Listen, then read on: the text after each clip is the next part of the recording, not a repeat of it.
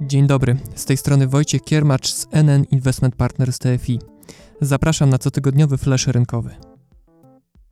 Pomału wkraczamy w sezon wakacyjny. Na rynkach również. Ubiegły tydzień upłynął pod znakiem spokojnych wzrostów na większości rynków akcji i surowców. Dane makroekonomiczne cały czas potwierdzają, że globalna gospodarka szybko podnosi się po pandemii, co sprzyja notowaniom ryzykownych aktywów. Niezmiennie kluczowym pytaniem z punktu widzenia rynków pozostaje to, czy podwyższona inflacja, która zawitała na przykład do Stanów Zjednoczonych i Europy, ma tylko charakter przejściowy.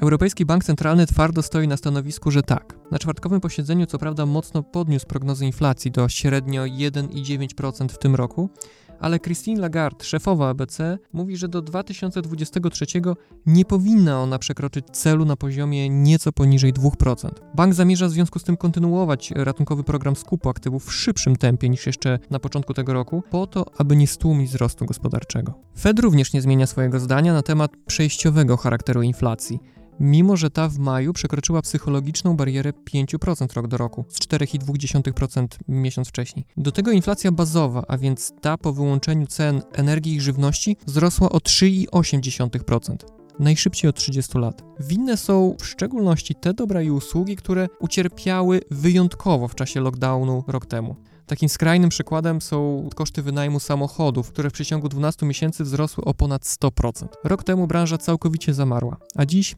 Amerykanie znów podróżują.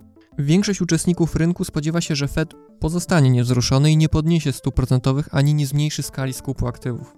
Konsensus jest taki, że siły popytu i podaży znajdą nową równowagę, a inflacja w kolejnych latach będzie kształtować się na poziomie około lub nieco powyżej 2%.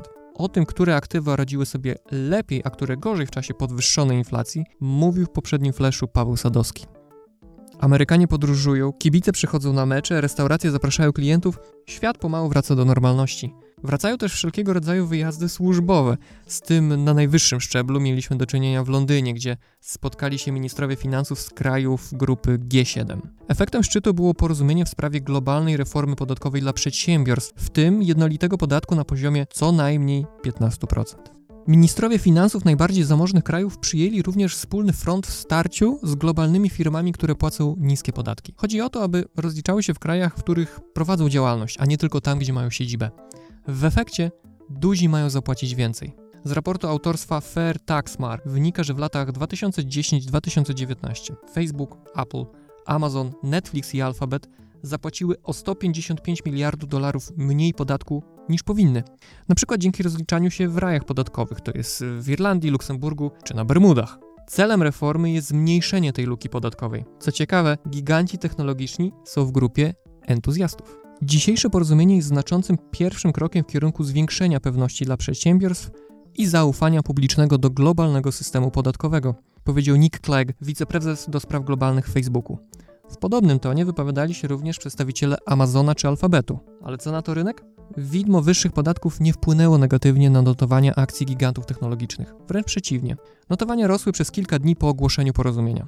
Jak donosi Bloomberg, niewykluczone, że rynki obstawiają scenariusz, że Joe Biden porzuci plany podniesienia krajowego podatku od zysków przedsiębiorstw z 21 do 28% w zamian za pomyślne wprowadzenie globalnej co najmniej 15% stawki, korzystając na skuteczniejszym opodatkowaniu amerykańskich firm za granicą. Kluczowe dla przedstawicieli krajów G7 będzie teraz przekonanie do reformy kolejnych, bo sceptyków nie brakuje. Financial Times donosi, że Polska i Węgry nie poprą reformy, jeśli nie będzie w niej klauzuli chroniącej kluczową działalność biznesową w tych krajach. Kraje o preferencyjnych stawkach podatków dla przedsiębiorstw, jak Irlandia czy Cypr, to jest 12,5% w obydwu przypadkach, również będą chciały zabezpieczyć swoje interesy. W końcu dla mniej zamożnych i rozwiniętych krajów niższe podatki to sposób na przyciągnięcie kapitału i inwestycji. Na koniec ciekawostka z polskiego rynku funduszy inwestycyjnych. W maju po raz pierwszy od roku bilans sprzedaży do funduszy dłużnych był ujemny. Według danych analizy.pl wyniósł około minus 800 milionów złotych netto. Na fali optymizmu związanym z globalnym odbiciem gospodarczym coraz lepiej sprzedają się za to fundusze akcji i surowców. Do tych pierwszych napłynęło ponad 600 milionów złotych netto. Jedną z popularnych kategorii funduszy były fundusze ESG, do których pozyskano prawie 90 milionów złotych netto. W tym ponad 15 milionów złotych do NN Polski Odpowiedzialnego Inwestowania i NN Globalne Odpowiedzialnego Inwestowania. Do funduszy surowców wpłacono z kolei o 170 milionów złotych więcej niż z nich wypłacono. Aż 70 milionów z tej kwoty napłynęło netto do NN Indeks Surowców. To wszystko w dzisiejszym flaszu rynkowym. Do usłyszenia za tydzień.